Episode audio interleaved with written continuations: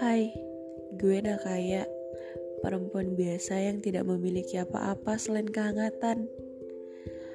Gue cuma pengen share beberapa pengalaman hidup yang udah pernah gue lewatin. Sejak gue kecil hingga saat ini. Entah itu tentang keluarga, pertemanan, percintaan, apa pun itu. Ya, semoga kalian bisa terhibur ya. Selamat mendengarkan.